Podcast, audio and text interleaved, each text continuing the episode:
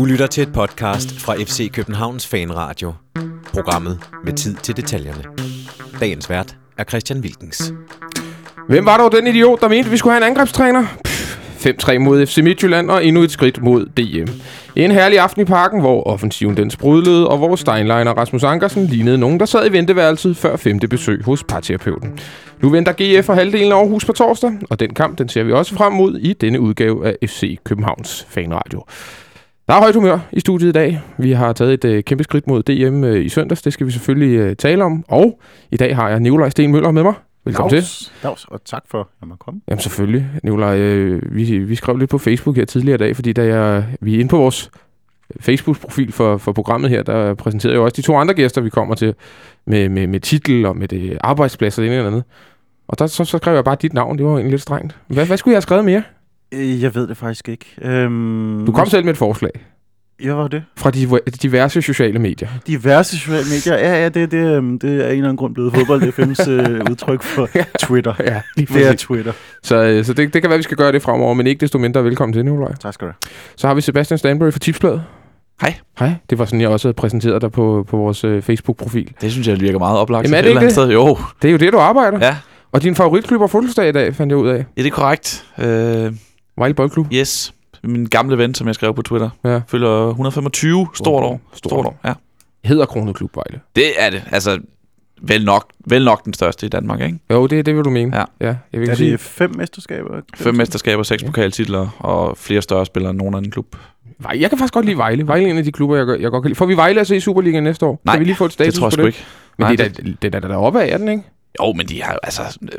Nu sad vi lige og snakkede om første division før her. Vejle taber hele tiden konsekvent til de der hold, som ikke har noget at spille for overhovedet, fordi nedrykningen er baseret, at Vestjylland er gået konkurs, de er færdige, og der er kun én nedrykningsplads i år, så der er en helt vildt mange klubber, som intet har fået brug for over til, udover at slå Vejle. Okay, det er det, det, det de Ja. gør. Nu er der, Vejle har jo fyret øh, cheftræneren øh, Kleber Sarnpæ og sat Sten Kosen øh, ind i stedet for, og han startede så med at vinde 3-0, men det var så over Vestjylland, som er gået konkurs.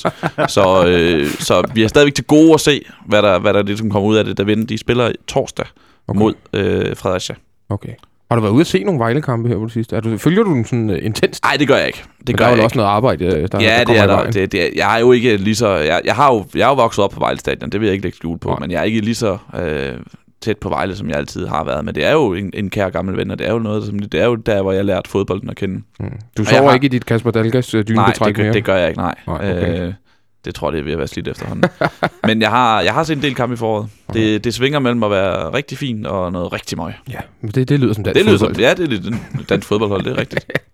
Vi, vi krydser fingre for, for Vejle her i første divisions uh, slutspurten. Der er heller ikke så mange, uh, mange runder tilbage. Og sidst, men ikke mindst, så har vi også Jesper, Jesper Helmin fra Bold.dk med os i dag. Velkommen til, Jesper. Tak skal du Og Jesper, du sidder her jo i egenskab af, udover at være et fantastisk vidne og dejligt menneske, også at være AGF-fan. Det øh, kan jeg nok heller ikke love for. Nej, det kan du jo ikke. Og, øh, og AGF, det er jo selvfølgelig øh, dem, vi skal møde på, på torsdag, hvor øh, ja, halvdelen af Aarhus virker det som om kommer til, til København, eller kommer til parken. Mange af dem bor her i forvejen. Og øh, så, øh, så derfor så skal vi selvfølgelig også snakke lidt AGF senere. Der kommer du virkelig på, øh, på hjemmebane. Jamen, det øh, ser jeg absolut frem til. Der er jo masser at tale om. Der sker lidt i Aarhus i øjeblikket, virker det som om. Ja, altså, vi, vi har i hvert fald fået en træner, der snakker om mange ting. Ja, det må man sige. Mange, mange, mange ting snakker han om. Rigtig mange ting. Men, øh, men ham skal vi nok få, få, få lejlighed til at tale om øh, lige om lidt. Øh, jeg synes, vi skal starte med at tale om kampen i søndags, hvor vi øh, slog FC Midtjylland i et brag af en kamp 5-3. Øh, Nikolaj, hvad, hvilken kamp oplevede du? En kamp, vi nok skulle have vundet lidt større. Ja. Og øhm, en utrolig underholdende kamp, og en kamp, hvor vi øh, spiller noget af det bedste i øh, sæsonen endnu bedre end, end, end Brøndby og den her OB-kampen. trio af OB og Haderslev Brøndby, Ja. som, øh, som ellers blev fremhævet. Altså fuldstændig overlegent. Og desuden en kamp, hvor øhm, det er utrolig underholdende at følge de, især forsvaret hos Midtjylland, som er på hælene hele tiden og øhm, rystende nervøse. Det, øhm, det var skønt. Jeg synes, man, man stod med fornemmelsen af, at hver gang vi angreb, så, så kunne vi score. Ja. Og det, det, er vel, øh, det er vel ikke så mange gange, man har, man har stået med den følelse i, i, ja, igennem de sidste par sæsoner, kunne jeg nærmest sige. At Nej, det var, der var, det var var forløsende. OB-kampen. Der var Ja. OB-kampen, hvor det var, det var som om, hvad som helst gik ind her. Så var sådan lidt mere øhm, kompetent målmandsindsats her i, øh, i mandags. Jamen, altså, hvis man på forhånd havde sagt, at, at vi ville score to gange efter Jørgens Spark mod øh, FC Midtjylland, det, virkede, det, det, det, virker helt, øh, det virker helt barokt på en eller anden måde, for det er jo det, at Midtjylland er aller, aller stærkest, det er på deres dødbolde, både offensivt, men også defensivt. Ah, de var vel bedre på dødbold i sidste sæson. Mm. Øh, ligesom de generelt var bedre i sidste sæson, sjovt de, nok. De er jo begyndt på det igen Ja, her. Det ja, det er efter de. de begynder at vinde nogle kampe her på sidste. Der, der kommer lidt nogle mål. De, de, de, dem, de laver mod OB efter dødbolde. Mm.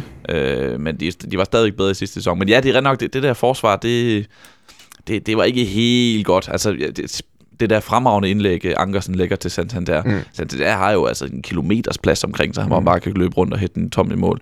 Det var, det var sløjt, synes jeg også. Jesper, du var, du var vel også inde og, og se den her kamp og, og dække den for, for Bold.dk, kunne jeg forestille mig. Øh, var Er, er det en af, de, en af de federe kampe, øh, du har dækket i løbet af den her sæson? Ja, det vil jeg sige. Nu har jeg haft mange Nordsjælland-kampe, så, så det her, det trækker absolut op. øh, jeg havde forhørt Nordsjælland inden også, og det var, det var egentlig også ganske underholdende, men, men øh, det her, det overgik det trods alt, det, mm. det må man sige. Det var, det var meget, meget imponerende, det FCK præsterede. Øh, jeg sad sådan lidt og tænkte efter første halvleg, at det her lignede egentlig et perfekt scenarie for FCK. Nu blev den her kamp lukket 2-0, og så ender den også 2-0, fordi at spare kræfter til torsdag og alle de her ting. Og, og sådan den, den klassiske FCK-dyde der med, med ligesom at, at, at yde nok til ligesom at holde den hjem, men, men ikke yde for meget, kan man sige. Øh, og det blev jo så overhovedet ikke tilfældet øh, i dag, og det, det, det undrer mig et eller andet sted lidt, at de på den måde tillod, at kampen blev åbnet op. Øh, og det synes jeg måske, det er det, øh, det, det stående må være en lille smule bekymret over, det er, at han, han på den måde, eller de på den måde tillod at åbne kampen op. Lidt ligesom OB-kampen egentlig også, altså, øh, hvor, hvor FCK scorer 6 mål, men OB også får lov til at score to, og og det tænker jeg, at øh, det er Ståle Solbakken et eller andet tid ikke særlig tilfreds med det her, at man, øh, man tillader trods alt modstanderne at komme ind i kampen, og at, at Midtjylland kom ind i kampen i søndags, det var jo... Men er det øh, tilfældigheder, de kommer ind i kampen, eller er det fordi, de lige pludselig gør noget anderledes? Øh, Jeg synes sgu mest, det var tilfældigheder, faktisk. Øh, altså, jeg, jeg synes, det virkede som om FCK gik en kadence ned. Jeg er udmærket klar over, at den måde, man spillede på i første halvleg, den er, den er enormt svær at spille på i 90 minutter mm. I hvert fald. Øh, fordi den, den kræver enormt meget energi, og den kræver enormt meget koncentration og fokus og alle de her ting. Øh, men, men jeg synes, øh, altså det første mål, Midtjylland score, var en tilfældighed, så løber FCK op og scorer 52 sekunder efter, Ja. og det, så tænker man igen, jamen okay, så er det så det. Mm. Øh, så kommer der så to frisparksmål, det, det er svært at gardere sig imod, kan man sige. Øh, Ja, det var nogle dumme frispark at lave. var det lige- var nogle dumme frispark at lave, og jeg tror ikke, Robin Olsen er specielt tilfreds med sig selv på de to frispark heller ikke. Skal, hvor, hvor mange af de to frispark synes du, han skal tage? To. Begge to? Jeg vil lige tage rundt om bordet, Nicolaj. Hvad, hvad, synes, hvad synes du? Ej, jeg synes, han skal tage et halvt af dem. Øhm, jeg synes, han er chanceløs på det første, ser det ud til for mig, og øh, på det andet, der får han ikke så meget hjælp af. Det ser ud som om muren øh, lige pludselig er blevet bliver overfaldet af slanger og løber panisk rundt om sig selv, Mm. i stedet for at prøve at nå op til den. Mm. Det, øhm, det ser ud som om, at Nikolaj flytter, flytter sig, inden der bliver også. skudt, og øh, at den så passerer igennem der. Jeg, jeg synes ikke, man kan, man kan klandre ham for ret meget. Har du, har du set nogle øh, Ja. udgaver af den, der gør, at øh, du, du kan svare... Øh, Ja, jeg synes, øh, hvis det skal være noget, så skal det være toeren. Den, Ja. den, fordi den er han jo ude ved. Han har, ikke- han har ikke også fingrene på, og der, Ja. ja. noget sådan noget. Altså, hvis, hvis du er derude, så tager man den på en god dag. Og med lidt øh, lige Han har 10% fingrene på ekstra. begge to. Ja, han har fingrene på begge. jeg, synes, det? jeg, synes, jeg synes, det ser ud som om på toeren, at han forventer, der kommer et indlæg. Og han faktisk øh, er på vej lidt... øh, Altså, han skal til at sætte af ud af i feltet, for at eventuelt gå ud og plukke en bold ned. Og så bliver den så sparket i, i det korte hjørne af Jakob Poulsen. Det er lidt skidt. Og så er det fuldstændig rigtigt, at Nikolaj Jørgensen hopper... Han tror nemlig også, der kommer et indlæg, tror jeg. Så han hopper ligesom til sin venstre side for at dække af for et eventuelt indlæg, og så bliver den bare sparket indenom ham. Det skal han jo ikke gøre. Det er jo ikke hans job, når han står i muren. Der skal han bare øh, prøve at hoppe lige op. Hvor, hvorfor tror de også det? Altså, ja. manden har lige Ja, scoret, lige scoret. Han lige scoret fem minutter tidligere. fra, fra sådan nogenlunde samme position. Ja. Med højre ben. Altså, Ja, jeg, jeg, jeg synes også, at Robin ser lidt skidt ud på, på det andet frispark. Det første er bare rigtig godt sparket, synes jeg. Men, Han men stadigvæk, han har hånden på begge to. Når målmanden har hånden på, så kan han kraftedeme også holde den ud. Ja, så men der er jeg en er grund til, at han kommer Altså, ud så, holder så kan han tage den i hvert fald. Ja. Med, Ja, lige præcis. med- med lidt held og lidt koncentration, så tager han sådan en. Mm. Men det første, der, øh, der, der ser vi genintroduktionen af, af den dobbelte mur. Ja. Altså Ja. ja. den forvirrende mur til at stille sig foran. Jeg var helt klar til at, at håne øh, den, der, den der manøvre på diverse sociale medier. Jeg er jo Øhm, også overbevist om, at han men rammer så, med øh, spiller. Men, uh, Så trak jeg følehornene ind igen der. Det er sådan, en- var det ikke første gang, sådan, man så den for sådan 10-15 år siden, eller sådan noget? Jo, og det plejer ikke at virke, gør det? Ja, det er altså lidt, hvad, hvad, hvad er det teknisk set, det gør? Altså, Jeg tror det- faktisk, det var Følge, jeg første gang så, der lavede det sådan mange, mange år siden. Der lavede de en eller anden Jamen, de har altid mærkelig været, kombination. altså, det har været en, altid været en innovativ klub. Ja, men Følge, de kan altså, de, de kan noget. Men øh, jeg har skrevet her en, en, en magtdemonstration til tider. Altså, jeg synes især i, i første halvleg, det er jo, øh, det, det, det bragte sådan mindelser for mig til 2010-11 sæsonen, hvor vi trumlede alle modstandere over. Delaney kaldte det selv overfaldsfodbold til, til, Mm. til Peter Møller om aftenen i, i fodboldmagasinet. Så hvad, altså, kan, kan, kan jeg have en lille smule ret i, i det, Jesper? Han overfaldt dem i hvert fald hver gang, der var hjørnsbak. Ja. Øh, Hvad, altså, hvad sker der i øvrigt for, at de nærmest vi- virker som om Midtjylland stopper med at dække ham op? Jamen, det undrer mig meget. Altså, I første omgang havde man sat Rasmus Nissen på ham, Ja. og Rasmus Nissen er absolut fin i hovedspillet, men han kan ikke alle de der små tricks i bogen, som Delaney kan. Nej, og det Øh, Han står fuldstændig stille ved det første mål. Altså, Delaney, han tager bare sådan lige en lille rundtur, og så er han bare han helt bliver langt. screenet, ikke? Screenet af Sanka, og så er Ja. han helt væk. Ja, ja altså, du skal ikke sætte så urutineret en mand på FCK's bedste hætter i min bog. Øh, eller i hvert fald den der bedste at komme frem til chancen Det på, er be- på den bedste, dødbolde. det er den bedste hovedstødspiller i Superligaen. Hvem er Ja. bedre? Det er det. På de offensive dødbold, det Ja, synes jeg også. ja, Hvem det, er er jeg bedre? enig, det er jeg enig i. Det er jo, det er jo helt vanvittigt. Det er han. Og så, og så til sidst, da han hætter over i anden halvleg, der, der glemmer, eller der lader de ham stå derude, og så prøver de ligesom at gå imod ham, i stedet Mhm. mm. for når han kommer ind, og det, det virker så heller ikke. Nej. Øh, så de virker rimelig rådvillige. Jeg talte de første otte hjørnespark kom øh, Delaney frem fire gange og kom øverst på dem. Øh, det, er, det kan jeg ikke huske nogensinde, jeg har set nogen gøre. Og som, som Jesper rigtig siger, jamen så, øh, så har han en, der ryger lige over mål, øh, Delaney, og han har Han en, har der på bliver, der bliver reddet på, på, på stregen og ryger op på undersiden af overliggeren. Kunne Og så har han den med skulderen, eller hvad fanden det nu er, han prøver at afslutte med. Ja, det kan jeg ikke engang huske. Det var også i første halvleg. Det var, det var i første halvleg. Altså, Ja. Delaney var i det hele taget i, virkelig i vælten i søndag, så han har også en afslutning lige før pausen, hvor han faktisk skal score, synes jeg. Ja, det må man sige. Hvis der har siddet nogle klubber og kigget på ham, Nikolaj, så har de, han vel fået et par plusser i bogen efter sådan en præstation. Øh, det er et ledende spørgsmål. ja, selvfølgelig har han det. Øh, og desuden så kender de jo i forvejen også hans kvaliteter. Altså det, det virker bare som om han... Har, har, har, har radioen snakket om, at han har haft et lille formdyk her i løbet Ja, det, af jeg tror, april jeg er bare faktisk bange for, at vi kommer til at talesætte det her for øh, en afsnit, et afsnit eller to siden. Jeg, jeg stussede lidt over det, fordi det synes jeg nu ikke, han har haft. Okay. Og, og det, der, det var der i hvert fald ikke tale om i går. det kan man Ståle ikke sagde det faktisk efter, Øh, men efter nej, i kampen. søndags må det hedde. Hvad sagde, hvad sagde Ståle? Han sagde, at han mente, at Delaney havde været nede i en bølgedal de sidste to-tre kampe.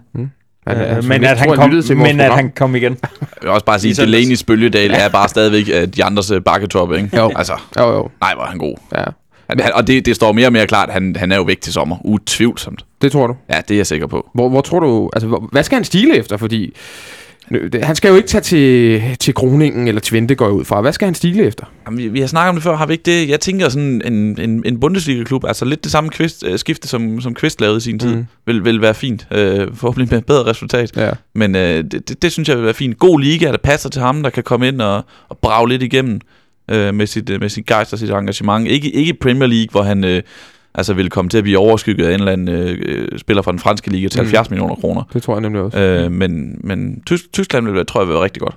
Øh, Nikolaj, du ser jo også en, en del ty- tysk fodbold. Ved jeg. Kunne, kunne du godt se ham passe ind i, i den tyske liga? Ja, det kunne sagtens fungere, det tror jeg. Som, øh, som sådan den, øh, den, den midterste af en, en tremands midtbane. Ja. Det, det, det lyder meget fornuftigt. Hvor højt rangerer du ham egentlig efterhånden? Øh, sådan, hvis, vi skal, hvis vi skal kigge tilbage i, i Altså, jeg, har tiden? ikke, øh, jeg har ikke lavet den der top 3 fra sidst, som jeg havde sidst. Øhm, der er han nok ikke på endnu. Øhm, Men når man tænker over... Altså, vi, har, vi er dele med en klub, der har haft nogle stærke centrale øh, midtbanespillere. Men Altså, han er vel på niveau 10 med, fantastiske spillere, altså. Han er vel han har passeret Mygland, og han er på niveau med Linderoth, vil jeg sige. Er, er vi helt, vi er Jeg helt ved ikke, deroppe? om han helt er på Pierre Larsen øh, niveau endnu, men det kan jeg jo også nemt Hvor ligger Peter Nielsen på sådan en? Der? Han er, også, han er nok lige en lille tand over, øh, over Linderoth, selvom det måske er kontroversielt. Og øverst ligger Lønstrup, eller jeg kan huske de to udgaver af Peter Nielsen. Ja. Både, både den øh, kreative, der kom tilbage fra, fra Tyskland i første omgang, og så den mere vrede og robuste, der kom tilbage i anden omgang. Ja.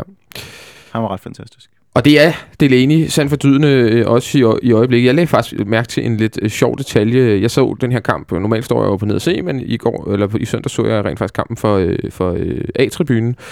Og der må man bare sige, der, der ser man altså nogle andre ting, når man sidder, øh, når man sidder derovre og kan følge lidt med i, hvad der sker nede omkring bænken, og Ståle er ude og råbe og skrige øh, hele tiden. Men, men det er faktisk meget sjovt at se det spil, der også foregår jo også imellem trænerbænker og sådan noget. Men der var på et tidspunkt i, i anden halvleg, hvor at, øh, jeg tror det er lige efter, at Midtjylland har scoret til, til 3-2. Øh, og øh, der, der øh, er Tutu ude ved bænken, og så får han en, en seddel øh, af Ståle Solbakken, som han skal ind, går ind og giver til Delaney, og det er i forbindelse med, at vi har et hjørnspark. Og så kigger Delaney på den, og, og putter den nærmest ned i, i, i, sådan i, i kanten på buksen, og så løber han ind. Og så er jeg jo lige ved at score på det hjørnspark, en af de her mange hjørnspark, vi fik. Men det synes jeg bare var en, øh, en, en, en meget sjov detalje, og sådan noget, man ikke ser tit, øh, i hvert fald derfra, derovre fra, hvor, hvor vi står på, på nederscenen, Nicolaj. Det, det, det, det er et stykke væk. Men øh, hvor, hvor tit ser I sådan noget? Vi sidder jo tit, går jeg ud fra, tæt på, på, på, på bænken, eller relativt tæt på bænken, og har måske bedre udsyn til sådan noget, der, hvor, hvor, øh, hvor tit ser man, at der, der, lige- der lige bliver givet sådan desinger på den, med, på den måde ind på banen. Jamen, vi er faktisk oftest dem, der har de dårligste pladser på stadion. Så vi ser det? ikke. Ja. Jeg troede, I, jeg troede, I skulle sidde godt, så I kunne øh, Tror jeg også. rapportere godt fra diverse men- stadier. Det er, forske- det er meget forskelligt. Vi sidder, vi også sidder faktisk modsat bænken rigtig mange steder. Okay. Øh, så, så det er ikke så frygtelig meget, man ser. Man kan sige, sådan noget som det her, øh, nu nævnte jeg også, at jeg har set mange kampe i farm, der behøver de ikke det, der råber de det bare ind jo. Ja, der kan man ikke høre noget. Det, det, det, det kan sagtens Eller gøre der kan man kun høre noget. Ja, ja, det, det er ikke noget problem. Er- jeg synes lige præcis, sædler synes jeg ikke er så tit. At man ser tit, at, at trænerne hiver spillere ud ja. øh, i forbindelse med skader og dødbolde og sådan noget, hvor, hvor de lige samler sin lille rundkreds, to-tre spillere, eller bare en enkelt, som så løber rundt og, og siger noget efterfølgende. Så, så det, er, det er sådan meget normalt. Øh, ligefrem sædler, synes jeg, er lidt mere utraditionelt. Altså, jeg kan huske, det skete i en øh, Real Madrid-kamp i Champions League øh, med, med, hvad hedder det, José Mourinho som træner, der lige skulle sætte en seddel ind til nogle spillere om, at nu skulle de trække gul kort, fordi de, øh, så kunne de hive en karantæne til en eller anden kamp, hvor de var gået videre.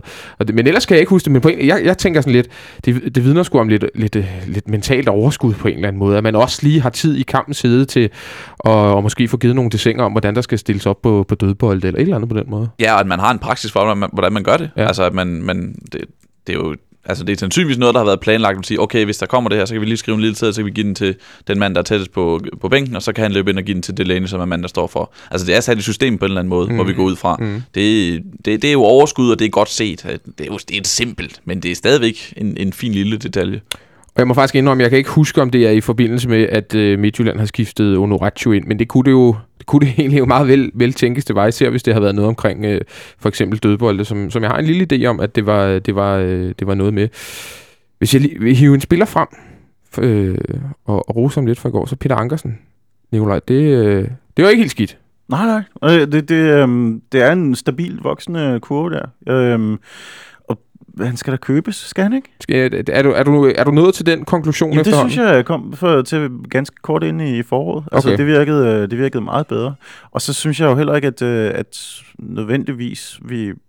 Så skal vi finde en, en helt fjerde, måske, fordi øh, Hyggelig kommer ikke til at være her til evig tid, og, og, og rammer har jeg ikke så meget fidus til. Nej. Øhm, jeg synes, det virker som, som glimrende. I snakkede priser her sidst, Mm. og hvis man lander omkring 10 millioner, så, øh, så virker det da fornuftigt. Altså første halvleg i, i, i søndags for, for Peter Ankersen, det, det synes jeg, det er klart det bedste, vi, vi har set for, for, for ham i en FCK, tror jeg. Det var jo, øh, altså jeg vil ikke sige prospect-niveau, men vi var sgu ikke engang så langt fra lige, på, lige, lige det skal selvfølgelig præstere mere af det end bare 45 minutter, men det var højt niveau. Det var det absolut. Var det Øh, Esbjerg Ankersen, vi så der? Nej, vi har vil Ståle jo ikke se herinde. Nej, Øh, for han kunne ikke forsvare. Nej, lige præcis. Og det kunne ham her faktisk, fordi ja. altså, det var ligegyldigt, om det var Rilvan eller det var Pione, der lagde sig over for ham. Mm. Øh, så kom de ikke frem til noget i hans tid overhovedet. Øh, og det, det handler selvfølgelig også om fint samspil med, med både midterforsvaren ved siden af og midtbanen og de der ting, men, men jeg synes, Peter Ankersen er blevet, er blevet rigtig, rigtig dygtig til at forsvare på den måde, Ståle gerne vil have, han forsvar på. Øh, og når han så har den base på plads, og han kan bygge offensivt på, som det indlæg til, til Santander, et Mm. perfekt indlæg, Det var næsten postbæk-indlæg, ikke? det var lige præcis et postbæk-indlæg, og, og, og, og altså, vi så flere gange, hvor han kom, og han var rigtig dygtig til at støtte op rundt om, øh, rundt om Tusu, og, og, og sådan generelt altså være, være med fremme hele tiden, og være spilbar, og, og gøre banen bred, øh, som også var, var en del, kan man sige, af hemmeligheden for, øh, for, for den her gode første halvleg. Øh, det, var en, det var en fremragende indsats, absolut. Ja, øh, igen, jeg sad jo øh, et andet sted, end jeg plejede. Jeg, jeg synes også, man så, øh, man så Ståle dirigere ham meget, men man så også en anden sådan, timing i hans øh, offensive løb, Ankersen. Det synes jeg er noget af det, der har manglet tidligere, at, at, øh, at timing ikke rigtig har været der med hans kant, og øh, overlappet er ikke kommet på det rigtige tidspunkt og sådan noget. Det her, det så bare, det så bare afstemt ud. Det så, det så skide godt ud. Altså, når han, når han spiller på sådan et niveau der, øh, Stanbury, så, så, øh, altså, så ligger sådan en landsholdsplads vel heller egentlig ikke vi- vildt langt væk, for det er jo ikke højre baks på dansk landshold, er ikke det, der er mest af. Nej, altså... Øh, for nogle år siden så jeg ham som den helt indlysende øh, afløser for Lars Jakobsen. Mm. Også selv da Lars Jakobsen stadigvæk spillede. Der er jo jeg mange, der tænkte, vil have Lars Jakobsen af, ikke? Ja, ja jeg, vil, jeg vil have Ankersen på. Altså, mm. For jeg synes, øh, altså, det kan godt være, at øh, Ståle Solbakken ikke vil, øh, vil se Esbjerg Ankersen, fordi på grund af hans, defen, eller på grund af hans defensiv. Men det er jo den offensive Ankersen, det er jo det, der gør ham til noget særligt i, Ja. hvad angår bakkerne. Altså, det, det, er der, det er der, han har et ekstra niveau i forhold til så mange andre bakker. Mm. Øhm, og, og det synes jeg, altså, det, det, det, når, vi, når, han, når han viser det, altså når han kommer til sin indlæg, når han kommer i overlappende, når han også laver målene, som han jo gjorde i Esbjerg, så, så er han landsholdskandidat på fuldt ud på linje med, med Henrik Dalsgaard, synes jeg. Mm. Det ser lovende ud for Ankersen. Nikolaj, du har en kommentar? Ja, jeg lægger også mærke til en detalje omkring hans offensiv. Det kan godt være, at jeg har siddet småsovet i, øh, under udkampene og ikke lagt mærke til, at han har gjort det før. Men er det ikke også nyt, at han tager øh, Jørgensbak over i, øh, over i venstre side? Jo, det tror det jeg, det plejer, på det seneste har det mest været Ludvig, der tog fra begge sider. Og øh, Det synes jeg også. Så ud som om, at han var god Gjorde til det? Faktisk hvorfor, hvorfor skulle han ikke være det? Gjorde øvrigt? Ja, det er jeg ret sikker på, Ja. at han gør i, i hvert fald i første halvleg lige ned foran, hvor vi plejer at stå. Jamen, Og også det, det her. men Ludvig, Ludvig tager den, som vi scorer på, gør han ikke det? Jo, det gør han. Jo, jo. Lige i starten. Øh, som øh, Delaney scorer på efter øh, 4-5 minutter. Den tager Ludvig, det er jeg ret sikker på. For Ludvig får to assister på, ja. På to, øh, to hjørnspark. Øh, han så også lidt mere frisk ud. Jo. Øh, øh, det, det, man kan, Måske det frispark, jeg tænker på. ja, det tror, jeg, det tror jeg, det har været, for, øh, uden at være helt sikker. Augustinsson tog de fire der lige på stribe lige Ja, til det at starte med. Det, tror Det jeg, var han i hvert fald ude siden. Det var helt ude siden. Det, er, Men det, er hvad, hvad jeg bare synes er, er bemærkelsesværdigt, er, at vi ikke har set det før. Fordi vi har jo set ham have en fremragende sparkteknik før. Absolut. Han lavede, lavede flere fa- fantastiske mål i, øh, i, i Esbjerg-tiden. Du nævnte lige Pione Sisto her for, i en, en, en bisætning for, for et par minutter siden. Hvad delen er der sket med Pione Sisto? Jamen, han fortjener jo efterhånden ikke mere end en bisætning. Nej. Øh, altså, det er, det, det er irriterende at se på, fordi vi troede jo alle sammen, at han var, var den her lysende stjerne, som skulle være på A-landsholdet allerede nu og etableret alt det her. Øh, nu er han der, hvor han er 21 år, og han er ikke en profil i Superligaen længere. Øh, altså, han, han, mangler, øh, han mangler gnist, han mangler øh, energi, han mangler øh, selvtillid, først og fremmest selvfølgelig. Øh, han, er, han er langt fra det, Pion i sidste uge, hvor vi mm. så i, hvad var det, efteråret 14. Altså, jeg, jeg aner ikke, om det her er rigtigt, men jeg tænkte, at Ståle spiller med Tutu på venstre side og øh, Verbic på højre side, og det gør han måske, fordi at Tutu er lidt stærkere defensivt, og han var mere bange for øh, Rilvan Hassan på, på, på højre siden, end Pione Sisto på, øh, på Midtjyllands venstre side. Jeg aner ikke, om det er det betragtning, han har haft. Men jeg, jeg vil ikke lade være med at tænke, det kunne da egentlig godt være, at, øh, at Ståle gør det, øh, på grund af, at øh, lige nu er Rilvan Hassan en bedre fodboldspiller end øh, Pione Sisto. Han er i hvert fald en fodboldspiller, der er, har mere Ja. tro på tingene, Ja. end, end Pione har. Uh, vi ser også Pione blive pillet ud efter hvad, en, en times tid eller sådan noget herinde, uh, hvor de er på vej mod et comeback, eller skal Mhm. mm-hmm. kæmpe, prøve at, at kæmpe for et comeback. Uh, det var der, man tidligere ville tænke, jamen det er, det er sidste tid nu, nu er det ligesom der, han skal vise, hvad han kan. Uh, det er det ikke længere. Altså 8 ud af 9 kampe i foråret, er han, er han blevet pillet ud, og der, altså, han viste sig lidt i Midtjylland, eller undskyld, i United-kampene. Uh, der viste han, at han stadigvæk har niveauet, men, men der er godt nok langt mellem snapsen efterhånden. Jeg mener, han har en eller to assist og et mål i den her sæson. Jeg tror faktisk, vi, er- vi er helt dernede. Øh, Sebastian, hele, altså, alle fodboldfans i Danmark, eller i hvert fald rigtig mange, og nærmest samtlige journaliststand, øh, har jo været fuldstændig op at køre over øh, Pion Sisto. Kan, kan, vi også, altså, kan vi også lære lidt af det her på en eller anden måde, vi skal øh, passe på med, med hypen bliver Ja. for vild? Ja, men vi gør det nok ikke. Nej, øh, altså, jeg, jeg, jeg købte den selv fuldstændig, da han... Øh, han blev kort til efterårsprofil i Tipsbladet i 2014 af de, øh, af de, to, af de, af de 12 Superliga-trænere. Så har han foråret, hvor han, hele foråret, hvor han er skadet, og så kommer han tilbage med den her fremragende indsats mod FC København, mm. der, der placerer mesterskabet. Og da han så åbner næste sæson, han har også 21 EM, hvor han laver et, et fint mål, øh, og han så åbner næste sæson med, med er det i første spillerunde, hvor han laver Ja, to mål, Viborg. to mål Ja. mod Viborg, Ja. er virkelig god. Så tænkte jeg, okay, jeg- jeg bliver nødt til at tage over og se ham. Jeg har ikke rigtig haft en kamp, hvor jeg har siddet og set Pione Sisto live. Det bliver jeg nødt til at gøre, når han er væk, og jeg forventer, at han er væk lige om en, Mm. mm. et par uger. Mm. Så jeg tog over og så en kamp mod OB, skrev en lang artikel om øh, den her følelse af at se et stort talent, inden han rejser til udlandet. Og så var han været dårlig lige siden. øhm, Han kan du genoptrykke ja, det, efter. ja, ja, det kan jeg. Altså, han har jo alle kvaliteterne. Det, det har han jo. Han, han er jo fremragende teknisk, øh, fremragende dribler, øh, kan score mål, kan sparke frispark, øh, glimrende pasningsspiller. Så, så, det er jo et eller andet mentalt. Altså det, er- det er jo en eller anden blokering, netop fordi, at han også spiller så godt mod United, som han gør. Mm. Der, der lever, spiller han jo fuldt ud op med de her Premier League-spillere. Mm. i, i mange situationer. Altså, ja, Jeg tror også, det er noget mentalt. Ja, det, det, det må det være. Altså, det, det, Jes Torp snakkede om, at han er tynget af forventningspresset. Øh, Jeg, jeg synes snart, vi skal have ham til udlandet, og så se, hvad han ligesom kan drive det til, fordi han har jo råmateriale. Altså, så lad os få ham ud, hvor der måske er lidt mindre pres, og hvor der er lidt mindre øh, står hej omkring ham hele tiden, og så se, hvad han kan drive det til der.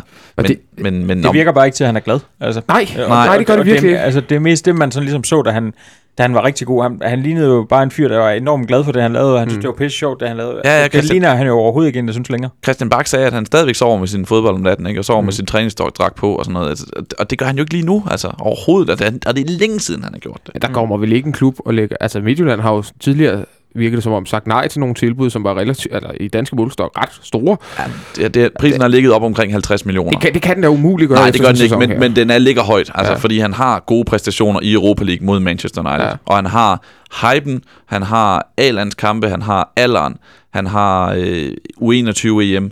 Den kommer til at ligge relativt høj, men ikke 50 millioner. 35. Altså, er, jeg tænker mere 25-30. Ja, men også fordi alderen er, nu er han 21 år, og der, der, der kommer også andre nedefra og sådan noget, så, så det er ikke bare sådan, at, at, at man kan blive ved med at vente. Øh, Altså, hvis du er 21 år og spiller i den danske liga, og en udlandsklub skal købe dig, så skal du dele med at være en, en profil i, i, altså en stor udlandsklub, så skal du dele med at være en profil i den danske liga, ikke? Jo, det er jo lige præcis det. Altså, der, var, der, der var forskel på, hvis han var 18, og, og det var den her situation, vi Ja. sad og snakkede om. Og men Cornelius var 20, og han ryger for 80. Jo, jo, jo, men han, han scorede han jo også topscorer. Ja, det ved jeg godt, det ved jeg godt, men, men jeg, siger, jeg siger heller han ryger heller ikke for 80. Nej. Vel? Det er det, jeg mener. Men Nej. han kan godt ryge for... Altså, Men ryger han 55 ikke også mindre. lidt på, på, øh, på det, man ved, han vil kunne? Altså, øh, folk, vil, folk kan jo også se, at han er ikke på et hold med Peter Andersen og, øh, Nej, og ikke Bund mere. Han er med nogle skumfuser, der ikke er lige så gode. jo. Så, så du mener, at, at, at, at hvis man går lidt tilbage og ser, hvad han har præsteret med nogen rundt omkring, ja. så der er bedre, så Altså, altså, der... der, tæller til hans fordel. man, kan, man kan sige, at ja, okay, det ser ikke så kønt ud lige nu, men, øh, men det her det har været lidt et forår, hvor man skulle, som man skulle afskrive og omstrukturere i. Mm. Mm. Og så, øh, altså, jeg ved jo ikke, hvad, hvad, øh, hvad Midtjylland har planer her til sommer, om de har råd til at forstærke sig, og om de så kan få en start, god start på næste sæson, så kan det jo være, at det ser fuldstændig anderledes ud. Bliver det Ajax, han ryger til? Nej. Nå, Det, har, det har, synes jeg ellers, der har været lidt jungletrummer på de forskellige sociale medier, der hævder, at han skal, han skal der. Så hvor ryger han så hen? Bliver det en hylde under eller en hylde over? Øh, ja, det er sgu et godt spørgsmål. jeg hører ikke de der trommer. Nej, det kan jeg høre. Der er slet ikke noget. Nej, øh, jeg tror, det, jamen, det bliver en hy- hylde på niveau med Ajax, men det bliver ikke Ajax. Okay. Det var Vi- meget vagt, var. Ja, det var meget vigtigt. Jeg kan skynde mig også bare videre, det kan jeg godt høre. Hvis vi øh, lige tager de, de sidste ting omkring, øh, omkring kampen her i, i søndag, så, øh, så efterlader det jo FC Midtjylland et godt stykke efter os. De er vel egentlig 11 point efter os nu, og OB er 8. Så vidt jeg husker, det burde jeg egentlig lige have styr 10. på. 10, ja, det, er det det? Ja, der kan du se. Men det jeg egentlig vil frem til, det er, at Sønderjysk er vores nærmeste konkurrent stadigvæk. Og er de også med FCK-briller, Sebastian Stanbury, den største konkurrent for FC København til guld? Ja, jeg synes jo ikke, der er nogen store konkurrenter til guld, og det er ikke på grund af Sønderjysk kvalitet eller de andres kvalitet, men det er fordi, at forspringet er alligevel så stort, som det er nu, øh, og at jeg, jeg kan ikke se FC København snuble. Altså når man så ret så over... At Midtjylland kommer med en god formkurve, Ja. altså en opad, opadgående form. kampe. Ja, kom, altså det var de seneste fem kampe, inden det havde de været det bedste hold i ligaen. Ja. Øh, og, og så bliver de kørt ud af parken af, altså, med fem mål. Så, så bør man kunne køre det danske mesterskab relativt sikkert hjem, når man har det forspring, man har. Uanset at Sønderjyske bliver ved med at vinde. De to næste runder bliver vel afgørende. Vi har to udkampe i øh, Odense og i Aalborg, og kommer vi nogenlunde igennem det, så kan det vel ikke gå galt. Ja, de kan blive afgørende, men de kan ikke blive afgørende imod os. Altså, øh, selv hvis det går helt galt, så skal vi også nærmest få syv skader i, i samme omgang, selvom Mm. vi taber den begge to, og så, øh, og så Sønderjyske vinder begge to, hvilket de nemt kan, fordi de har et let program de næste par kampe. Så har vi stadigvæk et, lige pludselig et, en meget nem afslutning liggende. Altså, jeg, jeg er ikke det mindste nervøs. Jeg tror, hvis, selv hvis det kommer ned til, at vi kun fører med et point med de fire kampe tilbage, så kommer vi til at trække den hjem. Det, det lyder dejligt beroligende, og nu, nu, kender jeg jo dig godt, og når du har den ro i maven, og den spirende optimisme, så kan det sgu nærmest ikke gå galt. Det, vil, det, det tør, jeg næsten, øh, tør jeg næsten lægge øh, hovedet på blokken. Ståle siger jo efter kampen, at Sønderjyske er umiddelbart den største konkurrent, og han er dybt imponeret af dem også siger, at de er gode til, øh, til det, de er gode til. De gør det, de er gode til, og så gør de ikke alt muligt andet, som de ikke er så gode til. Øh, og, og virker egentlig som om, han, han letter lidt på hatten af sin gode ven, øh, Jakob Mikkelsen dernede i, i, i Sønderjyske. Er du, er du enig med ham i, at det er der, vi skal kigge hen, hvis vi skal blive en lille smule nervøse? Øh, ja, nej. Altså, jeg er jo enig i, at, at der er ikke nogen, der... Altså, jeg, går, jeg kan ikke fortælle nogen guldduel her op at køre. nej, nej, det, det kan du sgu ikke. Altså, jeg, jeg, det er jo meget åbenlyst, at han skal sige, hvem er deres største konkurrent. Det er dem, der ligger tættest på. Det, det kunne jeg sgu nok også godt have sagt. Mm. Øh, jeg tror ikke, at han behøver ikke være nervøs for dem på nogen som helst måde, men, men altså, hvis FCK taber de sidste seks kampe, så vinder de jo ikke mesterskabet. Nej. Øh, og så vinder Sønderjyske det. Tror du, de bliver nummer to? Ja. Hvad, hvad er du? De har jo de har en få, altså, de slutter, de slutter nemt af i sidste kamp ude mod Brøndby, så, så, så, så der, der, tænker jeg, der tager de sølvet ja, på ja, ja, Thomas Dalgaard mål. Ja, det skulle fandme være i orden. BT klarede ellers at få lavet lidt spænding om, hvem der var den, den store konkurrent med deres øh, øh, Ja. se hvem Ståle mener er den farligste modstander Okay. okay. overskrift. Ikke? Ja, Og det viser sig at være det hold, der ligger nummer to. Okay. den, er, den, er, den er virkelig rigtig, den er virkelig rigtig, rigtig skarp. Øh, Men, men, ja, ja. Ståle var, var meget, altså han udtalte sig i hvert fald meget imponeret over, Mm. mm. over Sønderjysk, og det, det, synes jeg også er med Jamen, det er jo også sindssygt imponerende, det de har gjort. Det ville være underligt, hvis han st- stillede sig op og rynkede på næsen af det, ikke? Helt sikkert, helt sikkert. Øh, altså man kan sige, at han havde nok ikke- måske ikke gjort det samme, hvis det var AGF, der havde haft den, det forår, som Sønderjysk har haft. Øh, men, men det handler også om altså, den der faglige respekt, han har for det her stykke arbejde. Han ved jo godt, hvordan forudsætningerne er i Sønderjysk, eller Mm. i hvert fald har en idé om, hvordan forudsætningerne er, øh, kontra de forudsætninger, han selv har for at sammensætte en trup. Så, så på den måde kan jeg sagtens forstå også, at han, han ligesom går ud og gør det her øh, ved, at, ved at anerkende Anders indsats, men, men jeg tror også, altså, han ved jo også godt inderst inde, at, at det er jo ikke en reel trussel som sådan. Sidste ting omkring øh, kampen i, i søndags. Der var jo faktisk lige også lidt kontroversielle øh, kendelser her. Nu så jeg Midtjyllands øh, interview til deres eget øh, FCM TV, jeg tror det hedder. Der, der, der øffede de også øh, godt nok noget over straffesparket. Og så den situation, der er, hvor Pusic får et mål annulleret for øh, offside. Og jeg der tror, det er der, den står 2-1 eller 3-2. Vi fører i hvert fald med en. Og det er ikke helt sikkert, at der faktisk er offside der. Det, Ja, den så jeg ikke ordentligt, så Nej, der kan jeg slet men den kan jeg så sige, at den blev vist på storskærmen i parken, vil jeg gerne lige øh, øh, sige i øvrigt, bare lige arbejder bare, ikke? At den blev vist, den tvivlsomme kendelse på storskærmen i parken, godt. der gik imod os. Men var der straffespark?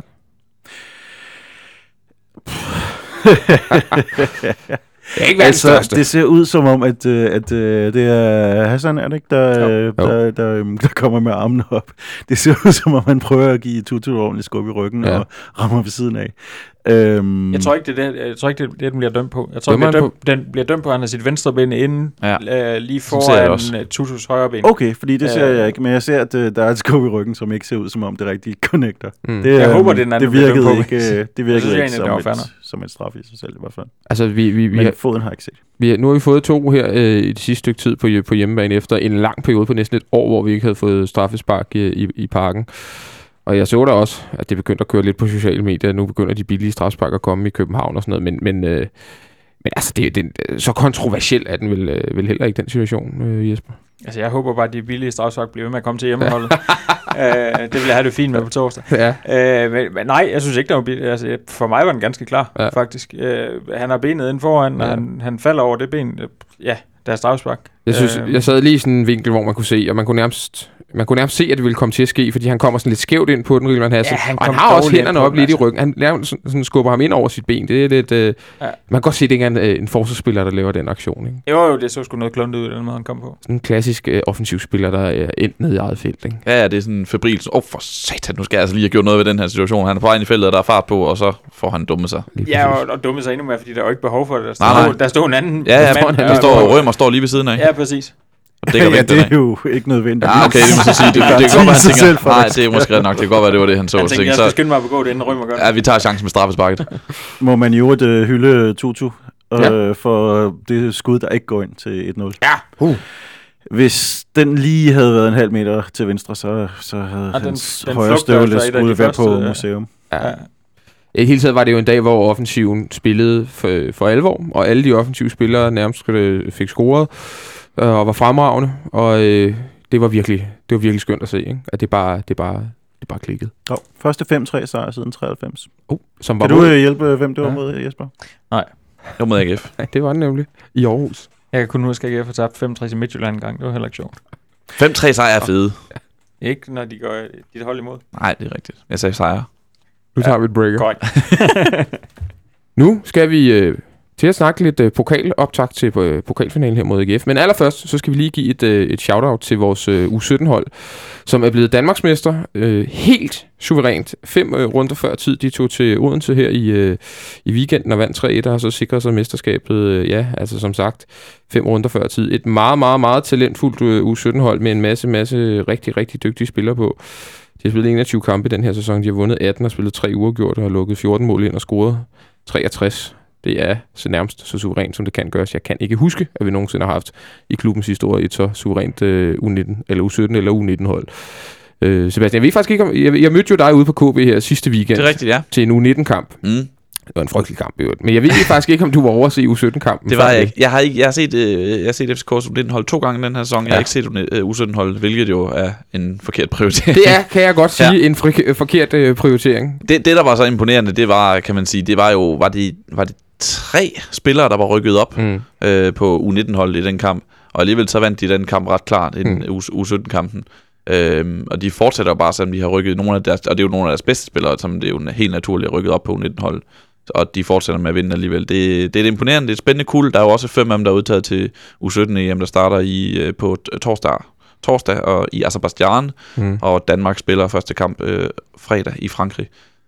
Da, Danmark er jo en EM-pulje, der kan vi lige, altså Mm. mm. der, øh, EM92-pulje med Frankrig, England og Sverige. Ja, det er Det faktisk kan, det, det, kan blive, det kan blive stort. det er en, en, øh, en meget, meget svær pulje, de faktisk også er kommet i. Det er godt for, ja. De kan godt få lidt svært, øh, de unge danske drenge, men, ja. Men en, kæmpe præstation at bare kvalificere sig. Det er jo ikke, det er jo ikke hverdagskost for danske ungdomslandshold at komme til, til slutrunder. Nej, overhovedet ikke. Altså, U, der er jo U17 og U19 EM hvert år, og Danmark har ikke været med siden 94'erne i 2011 med Fischer og Kenneth Sohore og Lukas Andersen og Pierre Mm. Emil og alle de gutter der. Øh, Så det er en præstation, og det er blandt andet, øh, jeg snakker med Jan Mikkelsen om det, som er U17-landstræner og tidligere øh, træner herinde også i FC København, og han siger, at det, det, det er på grund af kollektivet, og det er ikke tilfældigt, at han har øh, fem FCK'er med. Altså det er blandt andet fordi, at det er selvfølgelig gode spillere, det siger Stilling i, i ligaen, og det er fordi, at FCK spiller meget ligesom landshold gerne vil spille, selvom det er 4-4-2 kontra den 4-3-3, øh, som, som landshold jo ofte praktiserer, men spilsystemet er det samme med, med masser af pasninger. Men så handler det også om det re- øh, relationelle, at, at de her øh, gutter kender hinanden i, i forvejen, og det er bestemt ingen ulempe. Nej, det er det ikke. Og det er et øh, rigtig, rigtig fint hold, vi har det. Jeg kan kun opfordre folk til at komme ud på KB og, og, og se dem her i en af de sidste kampe i sæsonen. De har stadig, ja, de har stadig øh, fire eller fem kampe tilbage. Sådan set. Så der er øh, rig mulighed for at komme ud og se dem. Og så bliver det jo også meget spændende uge 19 hold, vi får næste år, når der er mange af de der drenge, der rykker op. Men det skal vi nok få, øh, få tid til at, at tale mere om, øh, når de begynder at nærme sig lige så stille et første hold øh, de her de næste par år. Så skal vi nok øh, få sat nogle navne på, og sådan noget, men det venter vi lidt med. Så skal jeg også sige, at, øh, eller det kan vi lige snakke om hurtigt, Leicester vandt mesterskabet i går. Øh, helt fuldstændig sindssyg præstation, det behøver vi ikke snakke alt for meget om, for det skal nok være en masse andre podcasts rundt omkring, der gør. Men det kan jo være, der falder nogle penge af til, til FC København på den her øh, måde. Øh, Der har været lidt, øh, lidt snak om det i dag. Det kunne da være fint, Nicolaj, hvis, øh, hvis der falder 10 millioner af, eller et eller andet på den måde. Ja, vi, vi øh, kommer nok ikke til at sætte en scene op for Nej. det, men øh, jo, øh, jeg vil hellere vinde over AGF i pokalen. Ja, det Men kan, øh, jeg, jeg, jeg aner det ikke. Er der, er der blevet offentliggjort noget om, øh, skal han spille et vist antal kampe, fordi han har kun fået øh, 3-4 stykker eller sådan noget? For men det, hvordan er det reglerne? er? Jeg tror faktisk lige præcis, han har fået fem, ellers så får han Det den mener jeg også, han har. Altså, i Han, tid, fik, han startede i han startede i en, og så han kommet ind i fire. Mm. Ja, og tidligere så var reglen, at man skulle have 10 kampe Mm. for at få en vindermedalje i Premier League, men de har sat den ned til 5, så den øh, kvalificerer han sig lige til. Så det er to, danske, me- øh, to mesterskaber på et sæson. Det er stærkt gået. Godt af Daniel Amartey, og fint, hvis vi har fået en eller anden klausul med, der betyder, at øh, vi får lidt penge. Jeg ved, at øh, jeg tror, det var Ekstrabladet, der skrev en artikel om det i dag, og, og Ståle havde også sagt et eller andet til Ritzau om, at jo, det kunne godt være, at nu var der penge til henten Svends Bak, eller et eller andet i den retning. Så hvad det så dækker over, det, det, det, var guderne vide. Det er meget stereotypt. Sådan, vi kan vel finde en eller anden svensker et eller andet sted i Brygge eller noget af det. For, altså, det må der være råd til nu. Ja, lige præcis. Men, øh, men den handel, uanset om vi får lidt klausuler eller ej, den tror jeg, vi skal være ganske godt tilfreds med. Det har været en flot en. Så ved jeg ikke, om der var nogen af jer, der så øh, Esbjerg OB i går. Der bliver nikket, i hvert fald lidt rundt om bordet. Der gør jo en episode øh, sidst i, øh, i øh, anden halvleg, hvor Rasmus Falk, den store bisse, får et, øh, et gult kort, der øh, sensationelt holder ham ude af kampen på søndag, hvor vi skal til, til Odense. Jesper, øh, hvor- var det tilfældigt, at han fik det gule kort, tror du? Eller så- Ja, ja, selvfølgelig. Fuldstændig. Hvad sagde du, om Ken Nielsen har sagt noget til det efter kampen eller noget? Øh, det har jeg ikke hørt. Falk sagde selv, at øh, det var jo ganske tilfældigt. Mm. Øh, altså, det er et rive i trøjen på et, et forholdsvis ufarligt sted.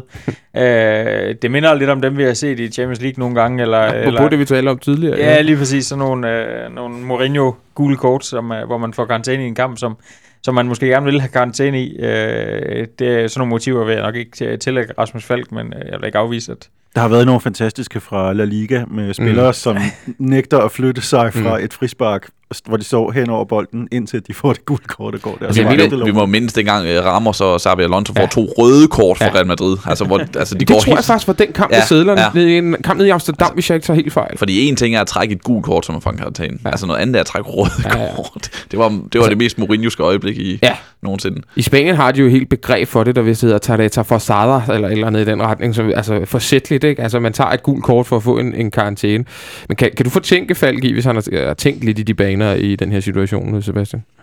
Altså på den ene side, det- sparer jo ham for en masse, altså det sparer ham for en masse telefonopkald og en masse pressesnak og interviews før og efter kampen. Øh, så jeg kan sagtens forstå, at det, det er belejligt for ham. Nu, nu går vi ud fra den antagelse, at det er bevidst, ikke? og det, Mm. det ved vi jo ikke, men vi lader som om det er bevidst. På den anden side, jeg synes sgu, det er lidt tøset. Altså, så spil af den kamp. Det, du- du får trods alt stadigvæk din løn for OB. Mm. Ikke? Og det, de, det hold, du skal møde, bliver danske mester, uanset om I vil slå dem eller ej, og uanset om du scorer to mål eller ej. Jeg, jeg, synes, jeg synes, han skulle have spillet den kamp. Altså, det, han kan jo sagtens, det er jo ikke fordi, han skal, ligesom, at det er et belejligt tidspunkt at få en karantæne på, fordi han kan jo godt spille sæsonen færdig, uden at få et, øh, flere gode kort over Ja. i karantæne. Jeg, jeg, Han er jo ikke jeg en hård spiller på nogen måde. Nej, jeg, synes, jeg er ikke super imponeret over den aktion, hvis det er bevidst. Og det kan vi jo selvfølgelig ikke øh, vide, om det var eller ej. Men, men øh, kuriøst er det i hvert fald, kan man sige.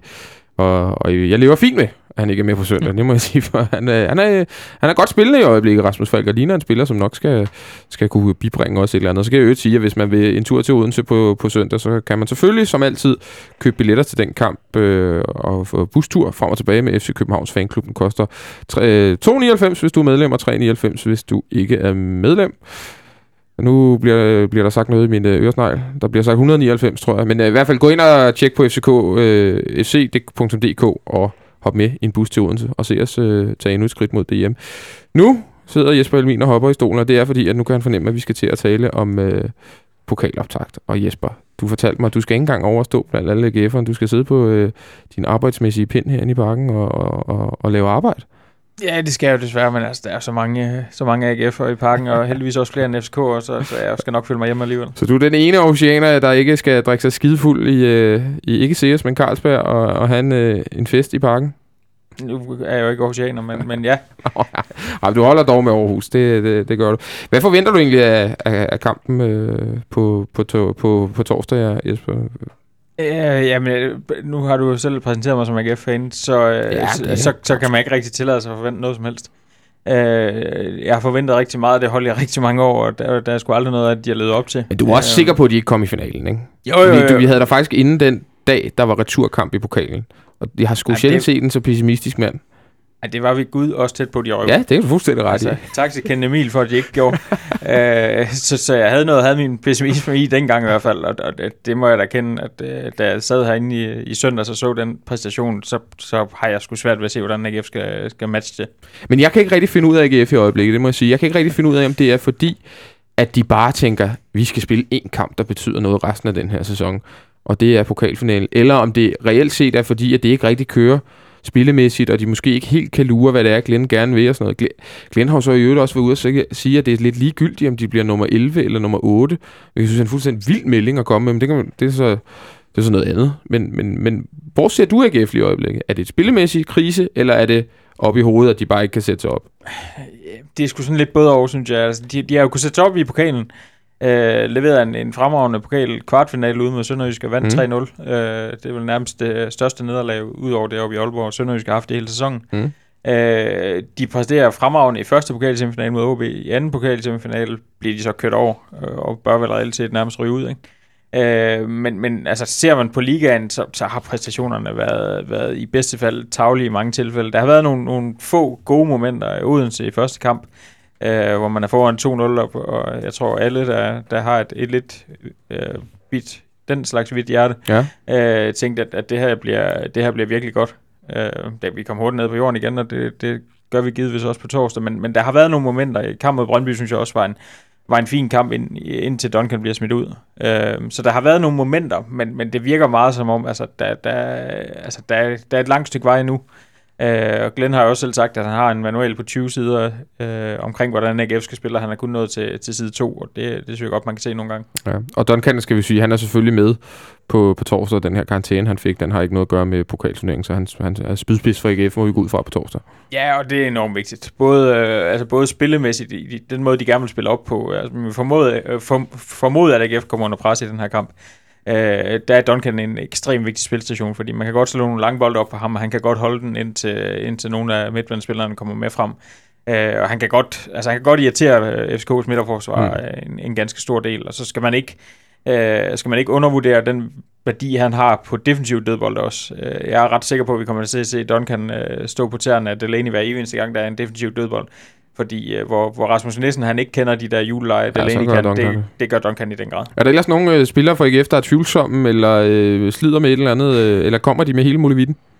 Jamen, meldingen er, at de kommer med ja, stort set hele muligheden i hvert fald. Okay. Øh, lyder det til. Okay. Så øh, Sebastian, jeg kan jo lige så godt sige, at jeg glæder mig helt sindssygt øh, til den her øh, pokalfinale. Jeg synes, det er nogle fremragende dage. Jeg elsker at være i pokalfinale. Jeg bliver altid sindssygt fuld også, og har en fantastisk dag. Øh, har du samme øh, sådan føling øh, helt ude i fingerspidserne, at det bliver en god dag? Ja, det har jeg. Øh, Jeg snakkede med min, øh, min kollega Martin Davidsen om det fra Tipsbladet øh, forleden dag, og han, han nævnte det her med, at det er sjældent, at man sådan, som, øh, som neutral jagttager sådan glæder, glæder sig flere dage i forvejen mm. til en kamp. Men det, sådan havde han det med, med pokalfinalen den her gang, og det har jeg også sådan lidt. Altså, det, det bliver noget specielt. Vi ved, at øh, Aarhus er en by, som, som elsker at blive begejstret over ting. Ja. Øh, og nu er der rent faktisk noget at blive begejstret over, så der kommer fuld smæk på. Og det gør jo også, at det bliver en federe kamp for, for jer som FCK'er. Mhm. Øhm, så så der, der, der, det, bliver, det bliver en fed kamp i stemning. Der bliver, det bliver fedt at gå i fældeparken inden kampen. Det bliver, det bliver fedt at mærke stemningen og se det her helt hvide, de her helt hvide tribuner, som der kommer til at blive. Og øh, ja, så må vi så se, hvordan kampen kan leve op til den, når den går i gang. Men ja, det, det, det bliver sgu sjovt at se. Og som du selv siger, så bliver øh, fældeparken jo et stort virvar af, af hvide trøjer. Øh, AGF har fået et, et stort stykke af Fælleparken, der ligger lige her bag den tribune, vi sidder i, nemlig øh, D-tribunen. Og så har vi fået over på, ja, på siden af C-tribunen, kan man vel sige, derovre af. Der skal, der skal vi holde øh, opvarmning. Og der kommer vel en i et blåt læderjakkesæt og spiller lidt. Ja, det er, ja, nå, ja, Thomas Helmi, han, øh, rygterne går kraftigt på. Thomas Helmi kommer og spiller øh, AGF-sangen for øh, AGF's fans. Er det noget, du har hørt, Jesper? Skal du over øh, stå på første række og rocke med til et eller andet? ja, hvis han kommer, så er der ingen tvivl. Jeg har også set det på, på diverse sociale medier. Det vil du også gerne. Altså, jeg vil bare sige, Groovy Day er et klassenummer. Det er det. Jamen, ja, altså, Det er et skide godt nummer. er bedre Jeg- på dansk. jeg det synes jeg ikke klart. Synes du det? Ja, jeg synes, Helmi er bedre på dansk. Ja, men jeg synes lige, det der Groovy Day, det kan noget. Altså, jeg kan, det minder mig også bare om bilferie og sådan noget. skal jeg Øh, love Det, det, det, det, det, Jeg håber jo stadigvæk, at han får lov til at synge dem på banen, ligesom han gjorde til anden pokal til finale mod Ej, det var helt, det altså, var, det er jo var helt smukt. skidt jo. Det er jo helt, altså, så står han der med sine azurblå solbriller og øh, synger AGF ind på banen der. Altså, jeg har sådan lidt, I er jo ikke i finalen endnu. Jeg vil jo være ved at bottle det totalt og smide det væk. Det er så klassisk til. Det var AGF. fedt. Ej, men det var krav, Det var så klassisk, Det, det var AGF. skide godt lavet. Ja. Altså, det, det, jeg synes, det var fremragende. Det, det må jeg skulle sige. Jeg savner øh, noget mere og sådan noget. Ja, okay. Øh, Hvad, hvad, hvad kan vi hive op af Ka- Michael Karø? Det gider vi ikke, vel? Nej, men det har I sgu gjort ikke, mange gange har vi ikke været der? Ja. Jamen, der har vi været, ikke? Og det vil jeg også mene. I øvrigt må Han, jeg bare han, sige... han kommer vel igen, når I skal fejre guld, og så skal det gøre noget hver gang. Han er jo ikke til at holde nej, fra scenen. nej, det, jeg tror, at, jeg tror, at de har så op af sig selv. Jeg tror sgu ikke, der er nogen, der inviterer ham. Nej, det tror jeg heller Jeg ikke. tror, han finder et sted at hoppe op på scenen, og Ja. så står han der. Ham og Jesdorf. Og så crooner han derud af i samme fulde timer, simpelthen. Ja. Har han stadigvæk det der enorme skæg, han havde ved seneste mesterskabsfejring? Det kan jeg ikke huske. Hvad Det er laver mange- Det er mange år Hvad siden. laver Ja, vi? Vinder, er- hvad jo, vi? vi vinder jo desværre ikke så, så tit mesterskab, som vi har gjort. Men jeg kan da huske, at vi, vi to år i træk havde Medina, Ja. som øh, imponerede ved at råbe velkommen. Øh, hvad, hvad, undskyld, en gang til. Øh, tillykke med prisen. Tillykke med prisen, råbte hun. Ja, det var flot med Dina. Og så inviterede vi til igen næste år. Det var også rigtig flot også. Jamen, hvorfor, hvorfor har I også sådan ikke København, hun burde jo holde med AGF? Er hun fra Aarhus? Ja. Nå, det vidste jeg ikke. Er der ikke masser af musikere, der holder med FC København? Det burde da være muligt at finde nogle Wafande, lidt fede nogen. Wafande var der et år. Det var meget fedt. Og han dansede med Igor Vitokeles far op på scenen. Det var sgu et fint moment. Mm. Det må jeg sige. Det kunne, det kunne også noget. Det kunne ikke Groovy Day noget, men det kunne også noget. Det vil jeg, det vil jeg sige. Det er der ikke meget, der kan. I øvrigt må jeg bare sige, at øh, øh, kryds fingre for, og i øvrigt håber jeg og tror jeg det også, at det kommer til at forløbe relativt uproblematisk, at der står øh, 10.000 AGF'er på den ene side af Østerallé og, og 10.000 FCK'er på den anden side. Jeg har sådan lidt fornemmelsen af, at det kommer til at foregå fuldstændig stille og roligt, og det egentlig bare bliver en, en festdag. Det er FCK og AGF. Det kan godt være, at AGF synes, at FCK er, er lidt irriterende og, og, og træls nogle gange, men de, de kan, vi kan da jo altid finde en fælles fjende i, i Brøndby, som, øh, så, så, som vi begge to bryder os, bryder os meget lidt om. Og jeg tror ikke engang, AGF eller FCK-fans har sådan det store mod AGF på den måde, vel, Nikolaj? Er der ikke mange andre, vi bryder os væsentligt mindre om? Nej, det tror jeg ikke. Øhm, der, der, der er ligesom også kommet nogen i mellemtiden, mm. som har været mere øh, reelle trusler for vores øh, verdensherredømme her. Mm. Øh, mest af alt Midtjylland, som virkelig er kommet galt ind på alle her i, i byen, stort Ja. set. Så, øhm, Så det kommer vel til at gå meget fint? Altså, jeg tror, at øh, der er sådan mere en, lidt en, øh, en, en sand sag, at øh, AGF er sådan en mere komisk indslag. Ja. Øhm, et, en slags øh, tilbagevendende farse, der rykker ned hver fire Comic år. relief. Og, øh, og så måske også alligevel er det savnet, fordi der er sådan lidt cirkus omkring alt, hvad der, hvad der Mm. foregår deroppe. Og vi er, øh, klubben arrangerer jo også stor fest, som sagt, i Fælleparken, og Danmarks største værtshus, tror jeg, de kører noget med, og der er 1500 pladser øh, i, i et gigantisk øltelt, der bliver sat op øh, over i Fælleparken, så FCK-fans kan, kan slå et smut forbi der og, og drikke en øl i solskinnet. Det bliver fantastisk vejr. Det bliver en fantastisk tur i, øh, i, i Rigtig, parken. po- rigtig pokalfinale, som det skal være. rigtig, rigtig pokalfinale. Hvis vi lige... Øh, jeg har bedt jer om at finde et, et pokalminde.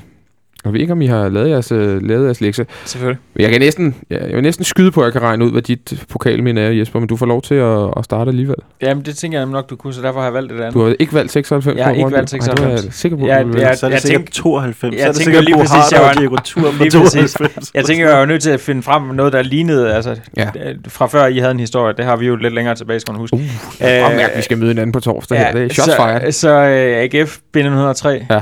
3-0. Bo Ja. ja. Harder uh, helflugter, som vel er det bedste Nå, pokalfinale jeg tror du tænkte på, på hans drab mod Diego Tur få minutter inden. De Ja. spiller jo 11 mod 10 der, så der lige er lidt ekstra plads til. at komme Jeg var foran. 8 år dengang, jeg blev holdt for øjnene, dengang det skete. Det måtte jeg sgu ikke se. Det var så, Øh, Diego Tur ikke kom med til OL i øh, Barcelona, så vidt jeg husker. Ja, og missede næsten et år af, af den første mesterskabssæson. Men, men lad os huske Bo Harder, for han blev pokalfighter. Han skulle det der fantastiske mål. Det var, Ja, jeg husker Og det var en kamp i Aarhus, var det ikke det? det var en kamp i Aarhus. Og hvorfor var det det?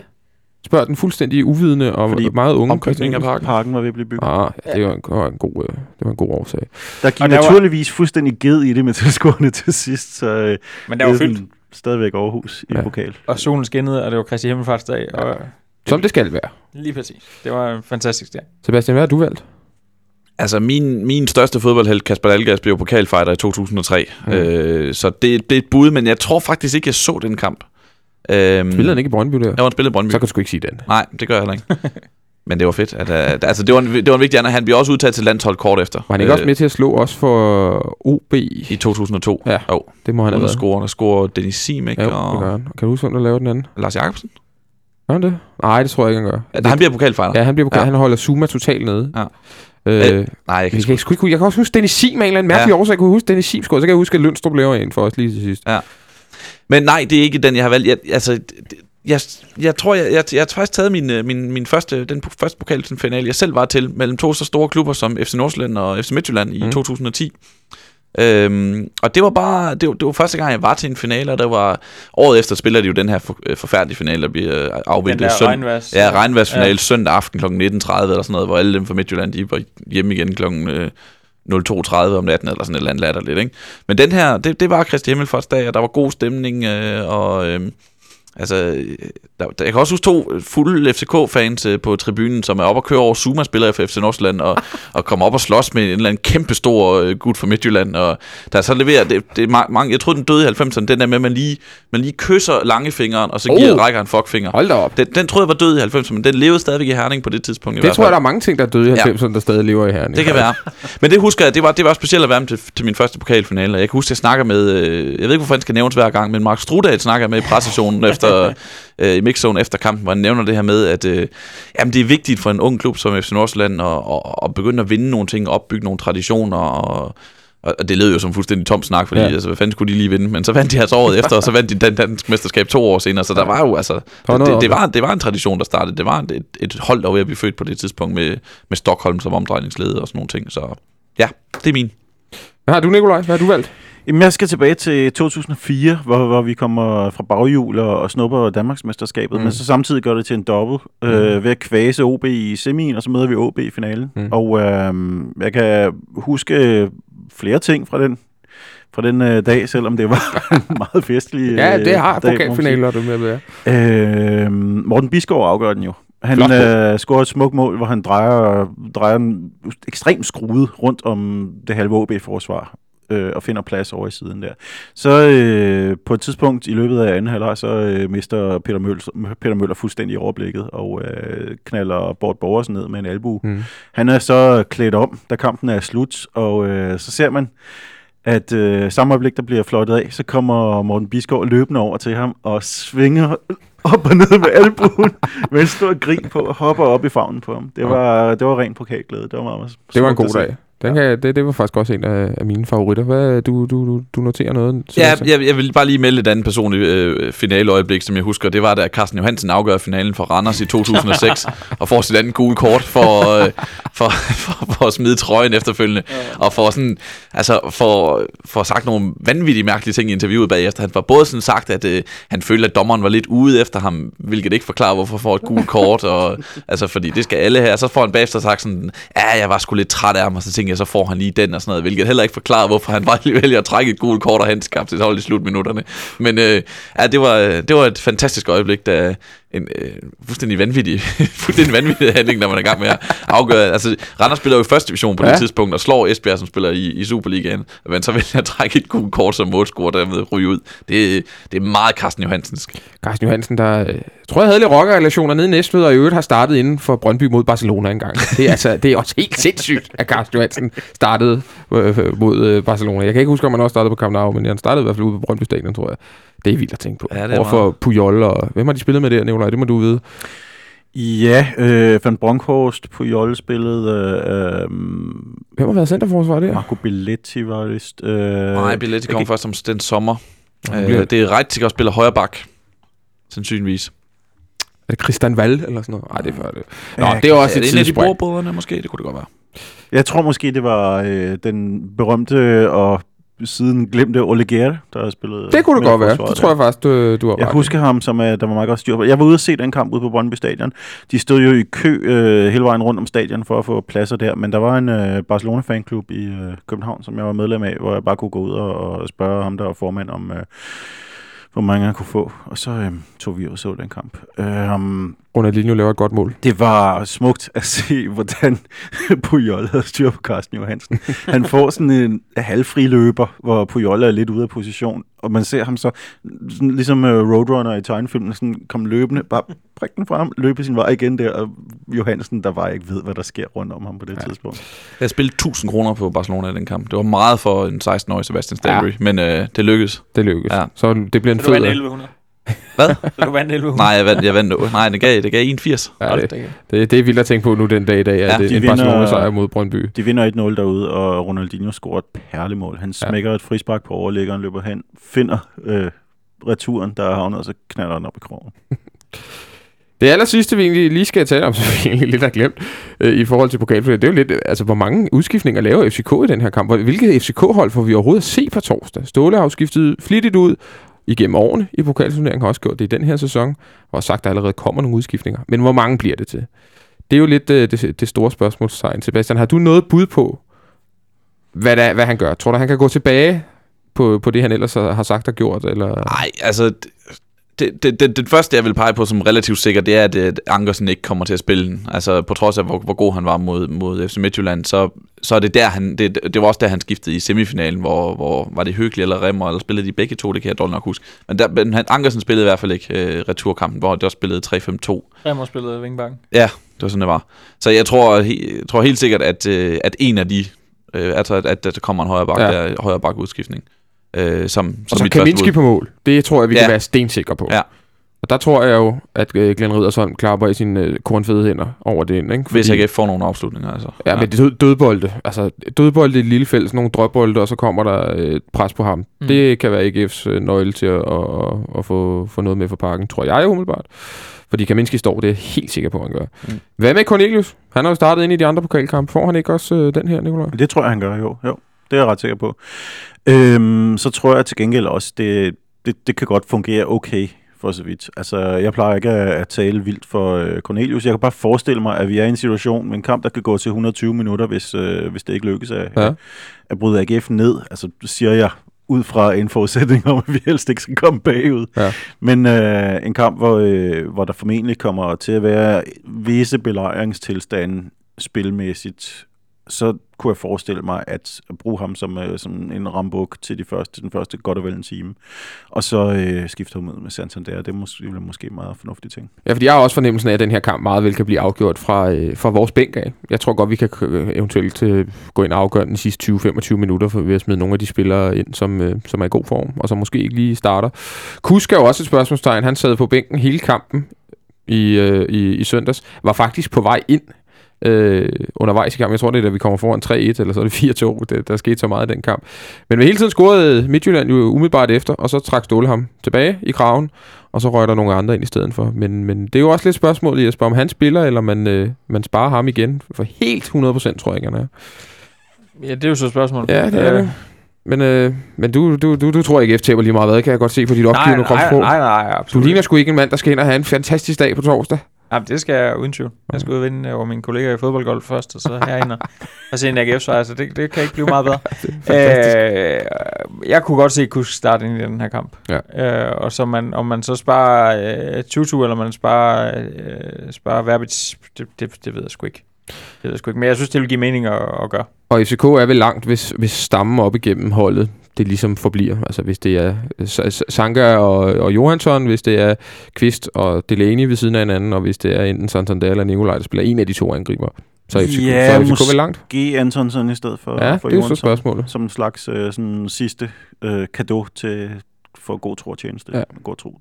Kommer vel også an på, God hvordan- tro tro til tjeneste. Ja, ja. Og det, det, er det en, måske egentlig øh, et meget fint øh, kado at give med Michael Antonsen i hvad der måske er hans sidste store kamp for FC København. Altså, jeg vil foretrække, det var ikke Johansson, fordi han er så god. Men Ja. ja, øh, ja det er vel fair nok.